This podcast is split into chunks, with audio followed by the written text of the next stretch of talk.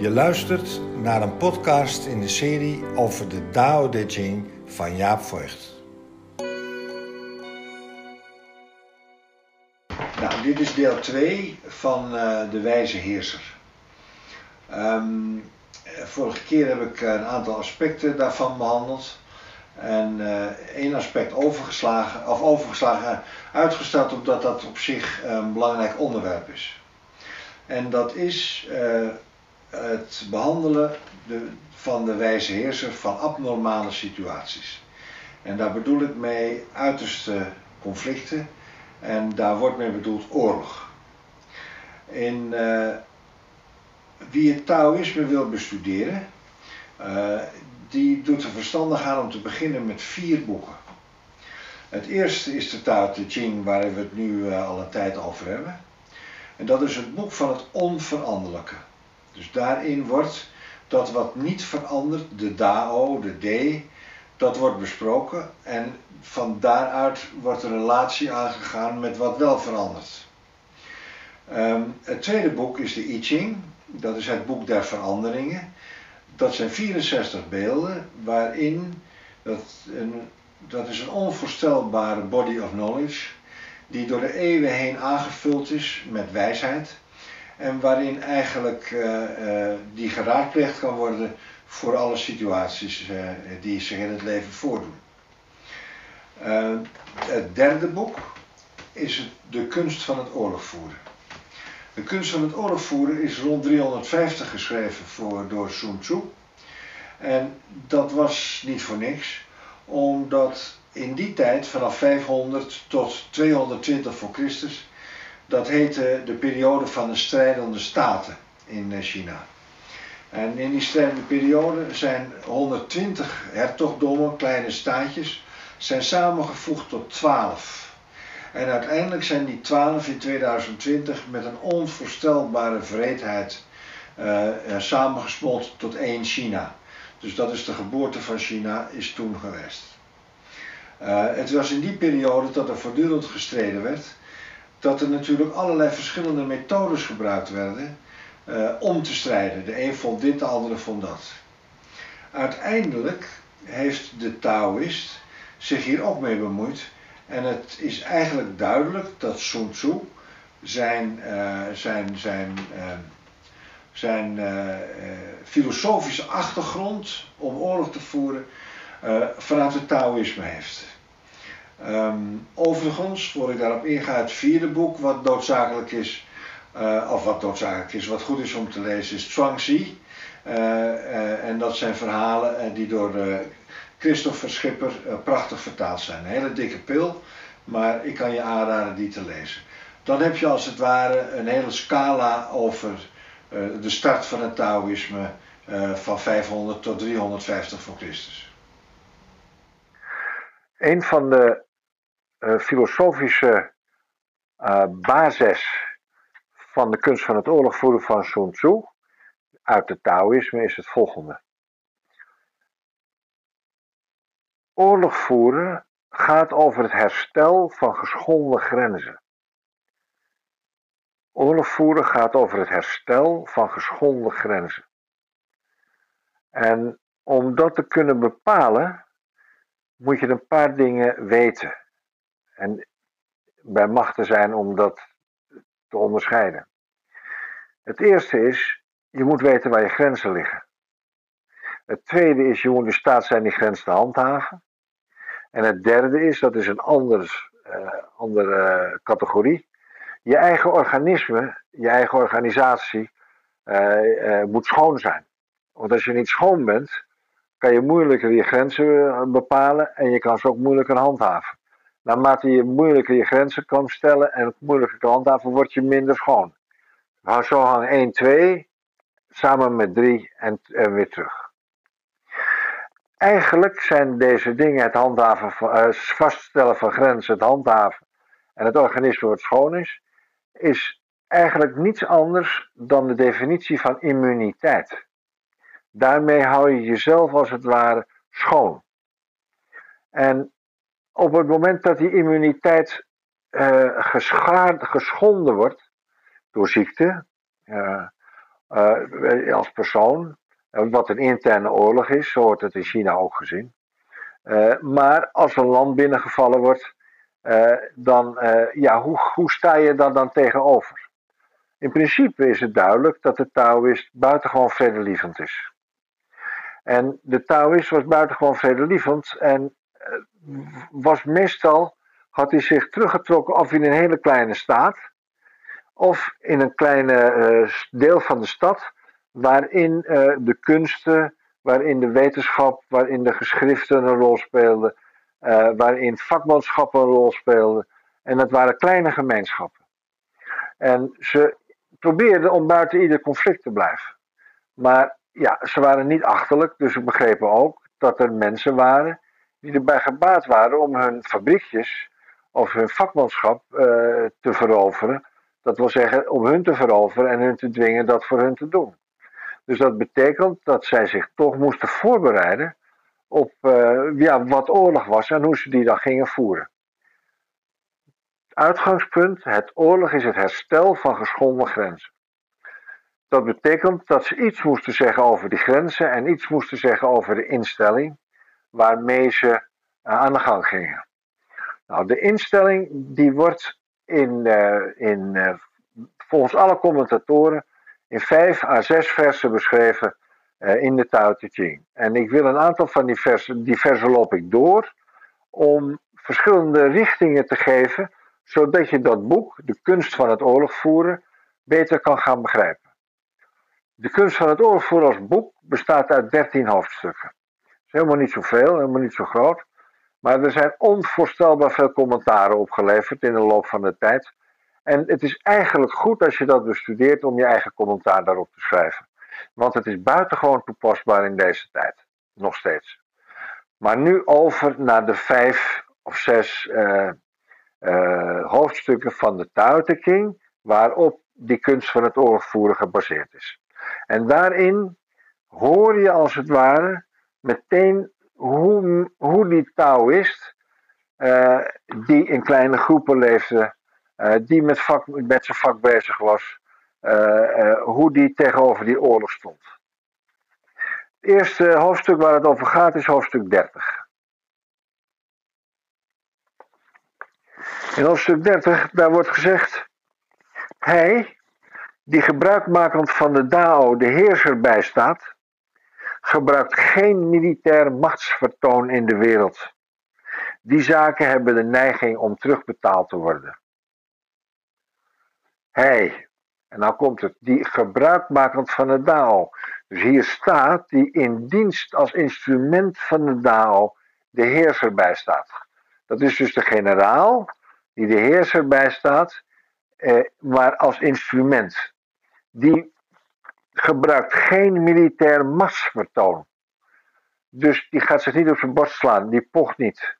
Uh, die, uh, uh, die, die doet zijn klus. Die doet de dingen die gedaan moeten worden. Maar die staat zich daar niet op voor. Het is niet van, moet je mij eens kijken. want, want die zaken hebben de neiging om terugbetaald te worden. Dus als je te hoogmoedig je grenzen handhaaft, dat er overheen gaat, of over je eigen grenzen heen gaat en de grenzen van iemand anders. Dus niet alleen maar het herstel van je eigen grenzen, maar je gaat ook die van anderen over. Dan komt de wraak en dan gaat het op en neer. Joegoslavië is een heel erg goed historisch voorbeeld waar om de 40 jaar zoveel verschrikkelijke dingen, zoveel verschrikkelijke dingen gebeuren, dat 40 jaar later weer de oorlog uitbreekt. Dat is nu al een paar honderd jaar aan de gang. Dan staat er, op de plaats waar een leger is, groeien dorens en distels.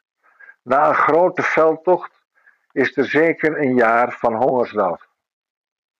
Dat betekent oorlog, bad news voor iedereen. Het goede, de goede generaal, bereikt zijn doelstelling en niet meer dan dat. En die doelstelling is herstel van geschonden grenzen. Hij waagt het niet gebruik te maken van militaire macht, niet, niet, niet overdoen. Hij bereikt zijn doelstelling, slaat zich niet op zijn borst. Hij bereikt zijn doelstelling, maar valt niets aan. Hij verdedigt of defensief. Hij bereikt zijn doelstelling, maar is niet hooghartig. Hij bereikt zijn doelstelling omdat er geen alternatief is.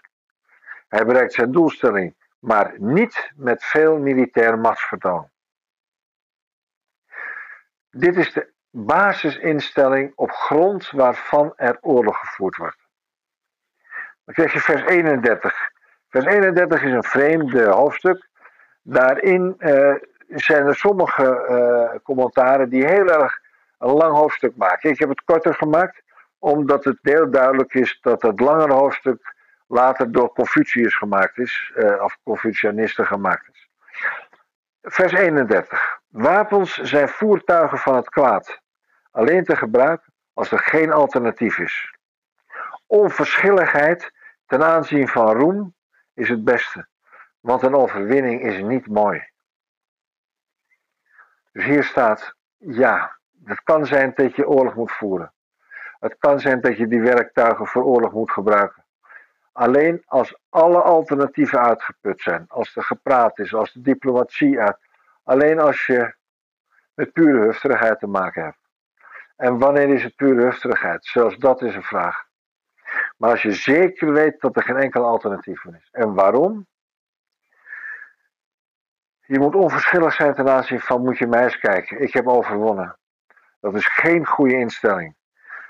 Een overwinning op zich is niet mooi. Want er zijn veel doden gevallen. Ook aan jouw kant, ook aan de andere kant. Hij die dat wel mooi vindt, een overwinning, verheugt zich in het doden van mensen. Wie zich verheugt in het doden van mensen, zal zijn aspiraties in de wereld niet volbrengen. Dus als je je verheugt in het doden van mensen, zal je dat wat je werkelijk in de wereld wil brengen, wat je in de wereld te brengen hebt, niet volbrengen. En dan als laatste staat er: als er vele mensen zijn gedood, rouw dan met compassie en droefheid. Voer na een gewonnen veldslag een begrafenisceremonie uit ten behoeve van de overwonnenen. En hier zie je dus hoe je je verhoudt tot je eigen doden en de doden die je gemaakt hebt. Namelijk je herdenkt ze, je gedenkt ze. Het waren mensen die in deze oorlog gedood werden. Het, deze houding ten opzichte van oorlog is een totaal andere dan die in het Westen uh, is, uh, is ontwikkeld door Clausewitz. Uh, dat, dat gaat ook over oorlog voeren. Maar daar is oorlog voeren en het leger een verlengstuk van de politiek. Hier is oorlog, van Sun Tse, een verlengstuk van de DAO en de D. Hoe handel ik in extreme situaties? Nou, er zijn nog een paar hoofdstukken die erover gaan en het is goed om die te behandelen. Dat is in eerste plaats vers 67. En vers 67, dat gaat over um, uh, drie, uh, daar staat in vers 2, ik heb drie dingen die ik bescherm en onderhoud. We hebben dit vers eerder gehad met de wijze. Het eerste is compassie, liefde. Het tweede is matigheid, soberheid. En het derde is niet op de wereld vooruit durven lopen. Dat betekent niet bij de hand zijn en uh, alles aanzien komen, maar in het hier en nu blijven. Niet vooruitlopen op de dingen. Dit zijn de drie schatten die ik onderhoud en bescherm. Dus nu terug. Oorlog voeren is het herstel van geschonden grenzen. Dat betekent dat waar jij je liefde niet meer kwijt kan, waar jij compassie niet meer kwijt kan, waarin je niet meer sober, waar je gedwongen wordt om niet onmatig te zijn, waarin je gedwongen wordt om, de, om op, op de boel vooruit te lopen. Da, daarin worden jouw grenzen overschreden. En dan heb je recht om oorlog te voeren. De verdere vers, 67, gaat daar ook over. En die zegt uiteindelijk: Degene met compassie overwint in een veldslag. Degene die standvastig is in het bewaken van de grenzen, die wordt geholpen door de hemel. En die wordt geholpen door hem te beschermen, ook weer met compassie. Dus het betekent als je compassie, liefde, matigheid enzovoort en het in het hier en nu blijven leven, maar volhoudt, dan kan je dat als die grenzen beschaamd zijn, beschadigd zijn en beschaamd zijn, druk je dat weer uit en dan is het klaar. Dus hier in vers 67 wordt verteld wat de criteria zijn uh, die, uh, waar de grenzen liggen. En die zijn, dat is heel erg goed om over na te denken. Waar ligt de grens? Waarin wordt mijn liefde geschaad? Een van de grootste menselijke problemen is onbeantwoorde liefde. En wat doe je dan? Een van de grootste moeilijkheden is hoe blijf ik matig? Hoe blijf ik sober? En een van de grootste moeilijkheden is uh, niet, uh, om niet in, in, het hier en nu te blijven. En maar vooruit te lopen in je gedachten. Vers 68 gaat over hoe vecht je dan? Een goed soldaat toont zijn vechtkunst niet. Een goed vechter laat zijn woede niet zien. Een goed overwinnaar van vijanden laat zich niet met hen in. Een goed aanvoerder van mensen plaatst zichzelf onder hen. Dit wordt de geestesgesteldheid van het niet-strijden genoemd. Je toont je vechtkunst niet, je laat je spierballen niet zien. Je laat je woede niet zien, die kan je beheersen, die kan je kanaliseren. Als je overwonnen hebt, dan ga je niet uh, uitermate vriendelijk lopen te doen, maar je behandelt gewoon wat er behandeld moet worden. Je gaat ook niet heel erg slecht doen. Een goede aanvoerder plaatst zich onder mensen. Dan kan je overwinnen. Dan ben je niet de bos die het uiteindelijk alles de overwinning naar zich toetrekt. Hierin zie je weer een instelling. En als je daarnaar kijkt, dan kan je zeggen: Ja, luister, als dit het geval is, hoe kan je dan ooit een veldslag winnen? Dat kan je afvragen. Dat hebben natuurlijk veel mensen zich afgevraagd. Nou, wat hier beschreven staat, is een guerrilla-oorlogvoering. Een goed soldaat toont zijn vechtkunst niet. Een goede vechter laat zijn woede niet zien. Hier staat in de commentaren: um, je gaat je mouwen niet oprollen. Je laat niet zien dat je je spierballen niet zien. Je bent onzichtbaar. Op het moment dat hij aanvalt, ben je weg. Op het moment dat hij je niet verwacht, kom je. Alle wetten van de guerrilla-oorlogsvoering zijn gebaseerd op dit hoofdstuk. Dan krijg je hoofdstuk 69. Hij die een militaire operatie leidt, zegt: Ik waag niet de gastheer te zijn, maar gedraag mij als een gast. Ik waag het niet een centimeter vooruit te gaan, maar trek mij liever een meter terug. Dat betekent dat je staat, je handhaaft je grenzen, je gaat liever terug dan vooruit. Je bent dus een puur defensieve instelling. Je handhaaft je eigen grens, je kokon waarbinnen je heel wenst te blijven, immuun wenst te blijven. En dat betekent dat je je liever gedraagt als een gast, je bent daar tijdelijk, dan dat je roept: Ik ben de baas. Want het gaat helemaal niet over de baas zijn. Het gaat erover dat je jezelf heel houdt. En dan staat er: dit wordt genoemd oprukken zonder de strijd aan te binden. Je mouwen oprollen zonder je armen te laten zien. Volharding zonder troepen en aanvallen waar geen vijand is. Dit is precies de guerrilla-oorlogsvoering. En dan staat er: er is geen grotere ramp dan het onderschatten van de vijand. De vijand onderschatten staat gelijk met het verliezen van wat ik lief heb. Dat waren die drie dingen uit vers 67. Dat betekent je moet niet achterlijk zijn. Onderschat de vijand niet. Denk niet dat het wel goed komt. Neem de dingen serieus. Je moet het niet overdoen, maar je moet het ook niet onderschatten. Nou, dit gaat over oorlog. Het laatste hoofdstuk wat over oorlog gaat, is als hij afgelopen is. En dat is uh, vers uh, eh, 70. Nee. 79.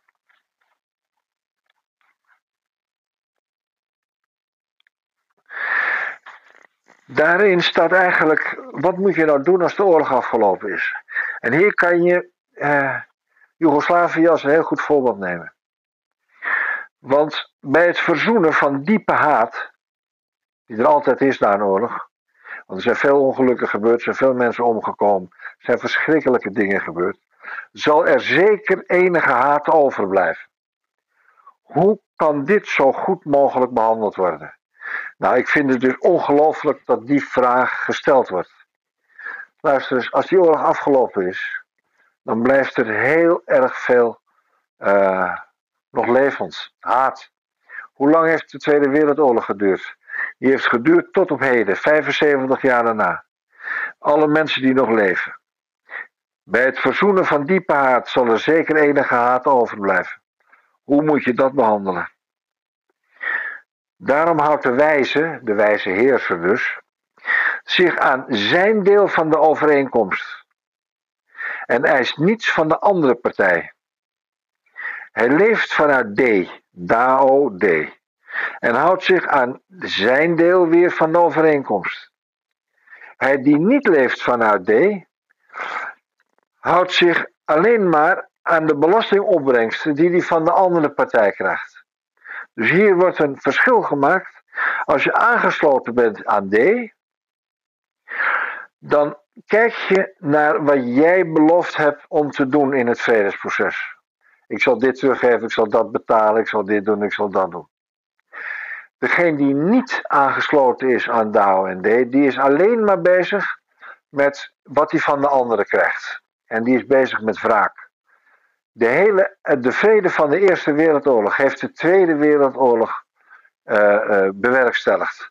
Omdat Duitsland volkomen uh, uitgeknepen werd en werkelijk niets, geen poot meer had op het staan. Dat is de voedingsbodem waarop de Tweede Wereldoorlog ontstond. Dat was niet een Alvedes-overeenkomst vanuit D. Met verzoenen van grote haat zal er zeker enige haat overblijven. Dat geldt niet alleen voor grote oorlogsconflicten. Dat geldt ook voor alle conflicten die jij in je leven gehad hebt.